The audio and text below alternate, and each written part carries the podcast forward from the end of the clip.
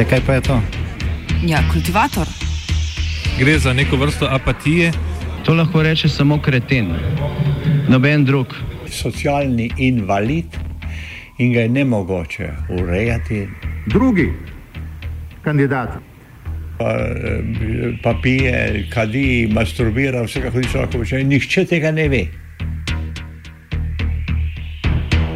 Vsak petek skultiviramo dogodek tedna. Lahko po kriterijih radio študent, težko pa po evropskih kriterijih. Ampak na drug način, kot vi to mislite. Kultivator vedno užge. Da pač nekdo sploh omenja probleme, ki so, in da pravzaprav sploh nekdo sproži dogajanje uh, v družbi. To drži, drži.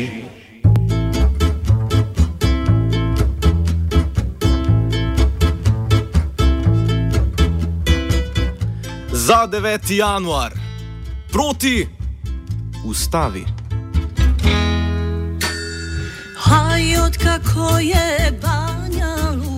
V nedeljo se bodo prebivalci Republike Srpske odpravili na protiustaven referendum, kjer bodo odločali, ali naj bo 9. januar oziroma Sveti Štefan praznik entitete. In to kljub temu, da je bil, tako kot referendum, tudi sam praznik označen za protiustavnega, saj po mnenju Ustavnega sodišča Bosne in Hercegovine diskriminira nesrbsko prebivalstvo Republike Srpske. Praznik namreč se upada z omenjenim pravoslavnim praznikom.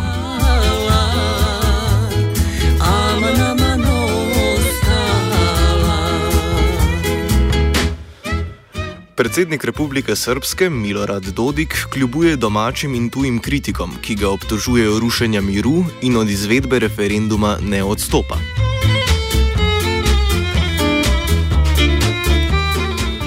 Referendum služi kot dobrodošel uvod v bližajoče se lokalne volitve za nacionalistične politike vseh treh konstitutivnih narodov, njegov izid pa je znan že vnaprej.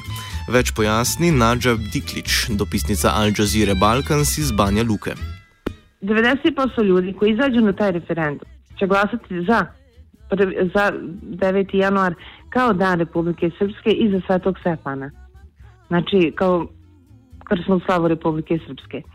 E, jednostavno, on ih je doveo, on je doveo ba, Bakir Izetbegović, predsjednik stranke demokratske akcije, član predsjedništva Bosne i Hercegovine, koji je potegnuo tu inicijativu oko ukidanja e, 9. januara kao dana Republike Srpske, jednostavno bacio jednu kost oko koje se sad svi glože.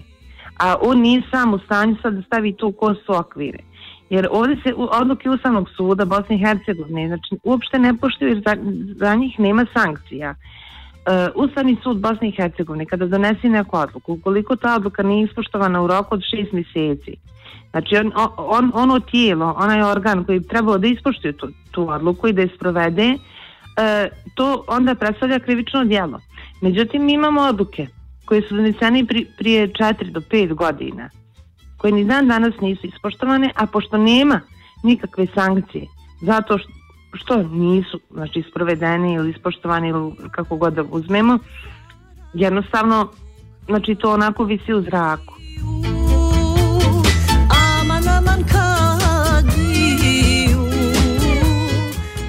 Sam izid realnosti ne bo spremenil.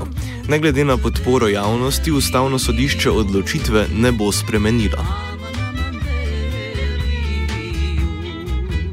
Prije par dana e, Komisija za sprovođenje referenduma je ipak potpisala odluku e, da će poštovati, e, da će vidjeti poslije referenduma da ispoštuje odluku i da sprovede odluku Ustavnog suda.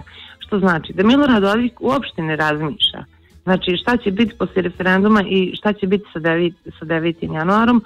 Ovo je više kao anketno pitanje na koje će se potrošiti veoma mnogo novca porezkih obveznika Republike Srpske. Jer e, ako je on spreman opet da pregovara o, sa Ustavnim sudom Bosne i Hercegovine o 9. januaru i tom svetom Stefanu, znači da taj referendum u suštini ne znači ništa. Ljudi će izaći na referendum za, za, za okružiti to da ili ne. Ali Znači, u ponedeljak neće biti apsolutno ništa nego nastavak izborne kampanje. Gdje sam referendum je došao u vrijeme izborne kampanje. Sad se oko referenduma u Republike Srpskoj svađaju pozicija i pozicija. I svi pokušavaju na tom referendumu zaraditi nešto. Međutim, ako pravno pogledamo, znači to je apsolutno uslovno rečeno pitanje znači, koji ne, oko kojeg ne bi trebalo ni da se raspisuje referendum.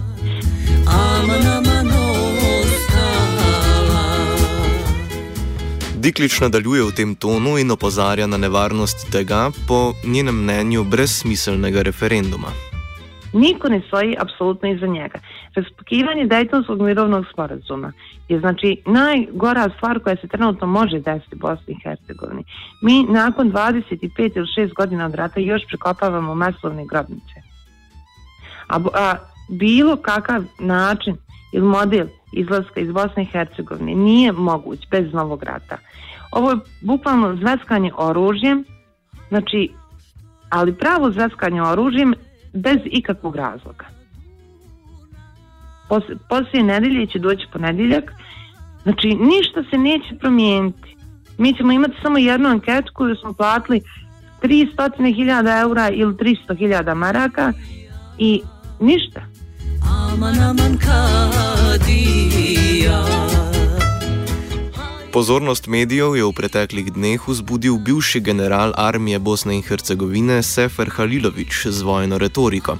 Žogico umirja Marija Arnautovič, novinarka Radija Slobodna Evropa.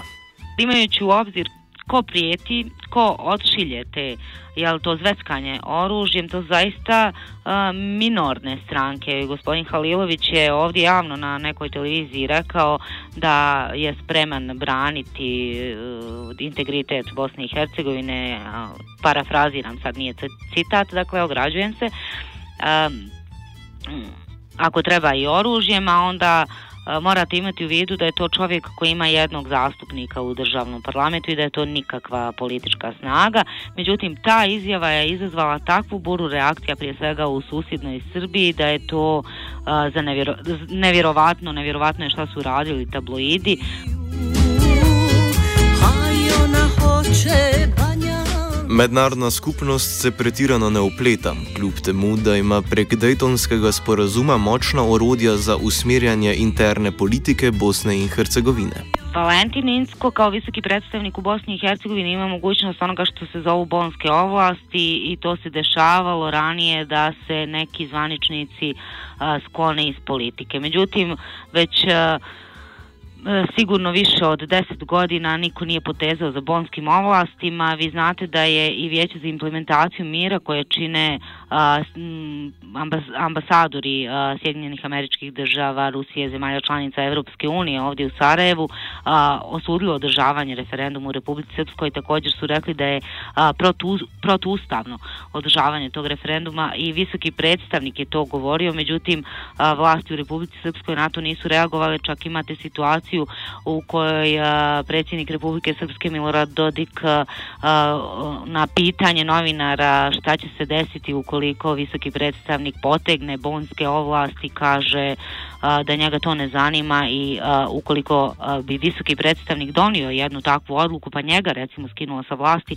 on kaže da ne bi otišao sa mjesta koje trenutno obnaša.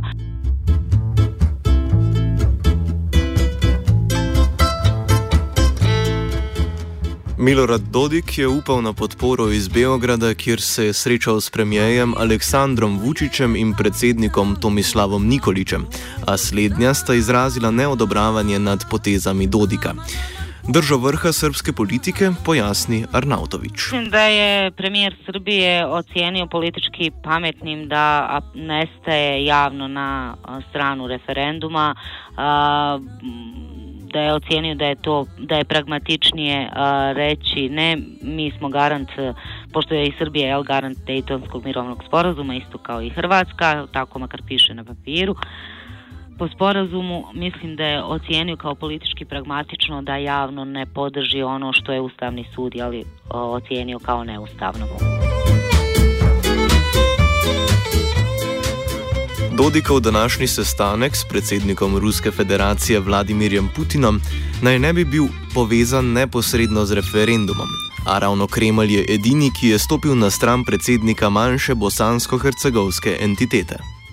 činjenica je da je Rusija uh, uvijek u Vijeću za implementaciju mira, pošto je ona također jedna od članica Vijeća za implementaciju mira, bila protiv onoga što je usvojeno, a kada je riječ o Republici Srpskoj. Teško je govoriti o tome što E, kakvi su interesi a, Ruske federacije a, u a, zaštiti jeli, Republike Srpske. Ono što smo mi mogli jučer vidjeti, odnosno sinoć, nakon a, što je a, Milorad Dodik posjetio predsjednika Ruske federacije, Vladimira Putina, je jedno jako šturo i jako kratko saopštenje a, koje apsolutno a, ništa ne govori. A, čak a, je gospodin Dodik nakon tog sastanka a, rekao da će se e, zalagati i boriti za poštovanje Dejtonskog e, mirovnog sporazuma iako mi svih ovih dana možemo čuti da je referendum koji se e, organizuje u Republici Srpskoj na neki način kršenje Dejtonskog mirovnog sporazuma a podsjetit ću vas i vaše slušalce da je aneks 4 Dejtonskog mirovnog sporazuma Ustav Bosne i Hercegovine još uvijek koji čeka na reformu već pa je više od desetak godina.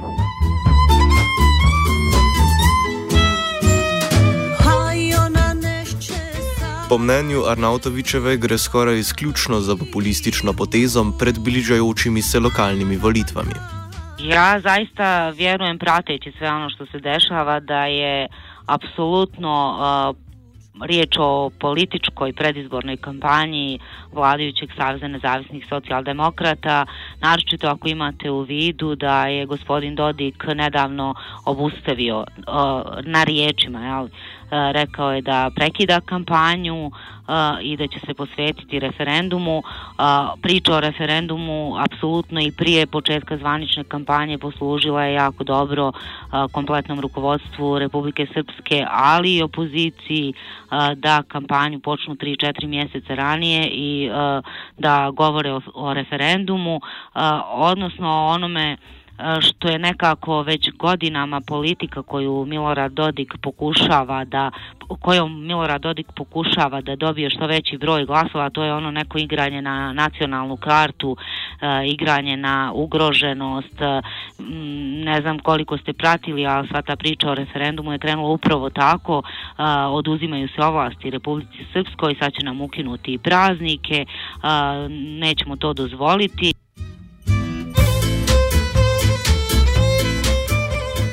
Kaj na politični parket Bosne in Hercegovine pred lokalnimi volitvami prinaša ta referendum, pojasni Arnautovič. Može se tako reći da je Milorad Dodik uh, nekako najviše uh, sebi napravio prostora političkog, a onda i ovim drugim dvijema nacionalnim strankama uh, dao dodatan prostor da, da se bave upravo referendumom u Republici Srpskoj i ugrožavanjem, ugrožavanjem nacionalnog interesa ovog ili onog naroda. I uh, možemo i tako reći da im je išao na ruku jer prosto kad imate situaciju u zemlji u kojoj je više od pola miliona siromašnih, onda se morate, jeli, uh, očigledno, tako razmišljaju bosansko-hercegovački političari, rekao bih, morate se onda, morate dati ovom narodu nešto drugo čime će se zabaviti da zaborave, jeli, na svoje probleme, da zaborave na to da ne mogu kupiti djeci knjige, da ih ne šalju gladne u školu, da zaborave na to uh, koliko se pra, plaća vozni park, uh, recimo eh, predsjedništva Bosne i Hercegovine ili vlade eh, federacije ili 5 miliona različitih nivoa vlasti eh, da to plaćaju sve građani ove zemlje da su oni dužni upravo takve stvari promijeniti pa ćemo zaboraviti gomilu sudskih procesa koji se vode protiv naših političara ili su se vodili pa su ovaj završavali oslobađajućim presudama pa ćemo zaboraviti isto tako da e, nam je obrazovanje na samom dnu, pa ćemo zaboraviti iz popisa to da imamo najveći broj nepismenih u regionu i zabavit ćemo se jeli, referendumom, hoće li biti e, dana Republike Srpske ili neće. E, postavlja se ono apsolutno logično pitanje ko će e, u toj istoj Republici Srpskoj živjeti od toga koji je dan praznik. Mislim, kome to nešto znači, osim što je bila priča o jeli, udaranju na nacionalno, nama, nama oduzimaju ono što je naše. S druge strane, ja ću a, sad prilika je, pošto pričamo eto, o referendumu i o 9. januaru, a, pitati da li je logično da praznik jednog entiteta u, u Bosni i Hercegovini bude praznik koji se vezuje isključivo za jedan narod, ako a, taj isti Milorad Dodik govori da je Republika Srpska entitet u kom žive sva tri naroda. Znači, a, apsolutno licemjerstvo domaćih političara. je Banja Luka postala Dodikova stranka Savez nezavisnih socialdemokrata, krajše SNSD, ni vedno igrala na nacionalistično karto. Politično pot vodje opiše Nađa Diklič. Pa on je u prvom mandatu shvatio, znači taj neki prvi mandat je bio 99. 2000. godina. Uh, on zna da su ga stranci doveli na vlast. Uh, mi ovdje se vrlo dobro sjećamo izjavi Madeleine Albright koja je Milorada Dodika prozvala e, Daškom e, ljet, ljetnog vjetra sa Balkana. E, on je preživio to sve što se dešavalo tada na osnovu nenacionalne retorike.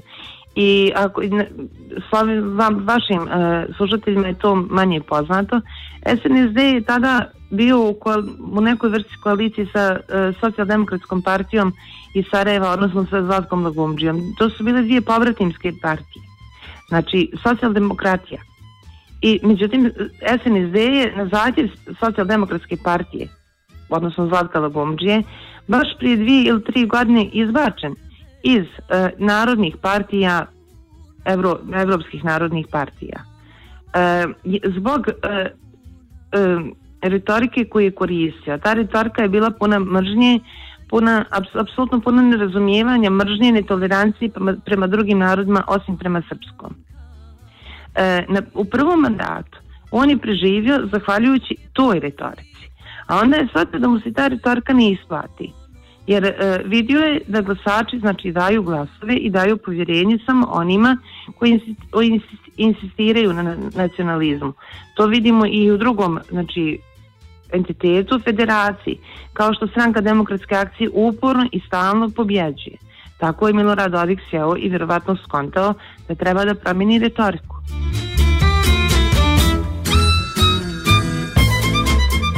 Nedeljski referendum naj bi bil le eden od treh napovedanih referendumov, ki jih je obljubil Dodik. Problem je v tome što Milorad Dodik najavljuje referendum o samootcepljenju od 2006. godine.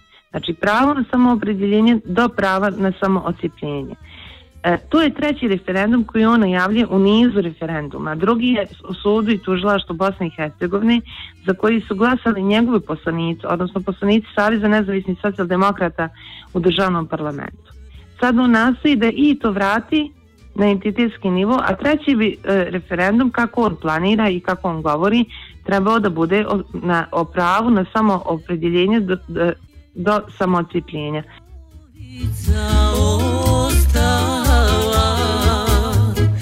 Aman aman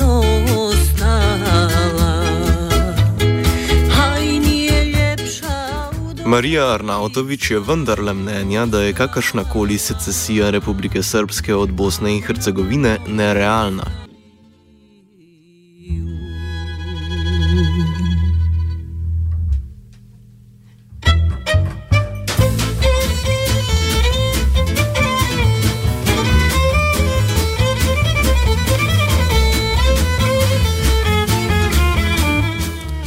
Pogledom iz prestolnice Republike Srpske zaključi Nađa Diklič.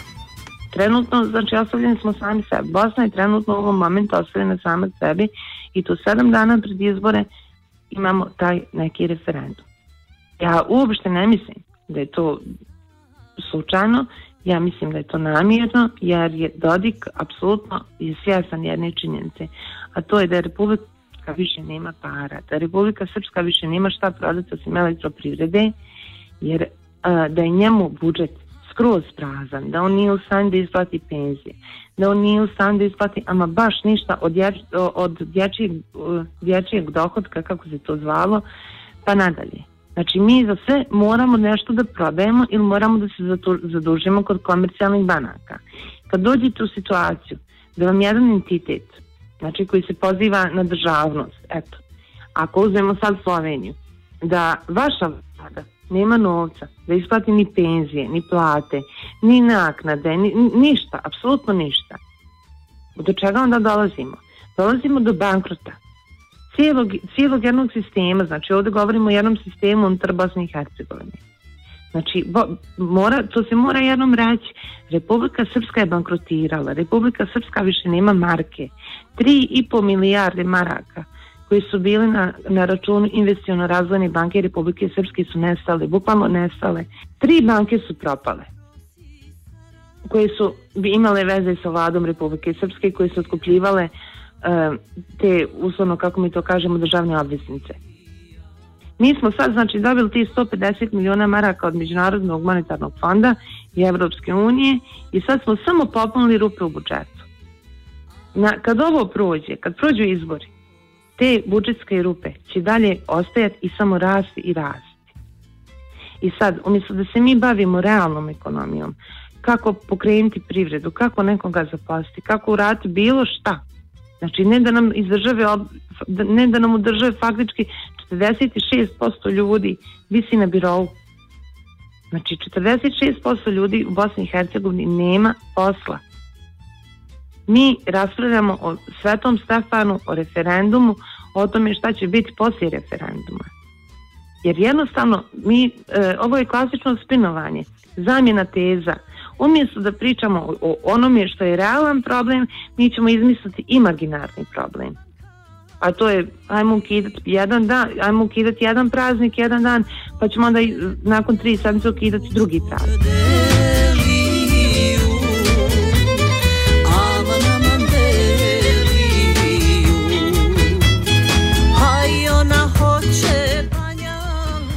Kultiviral je Anton.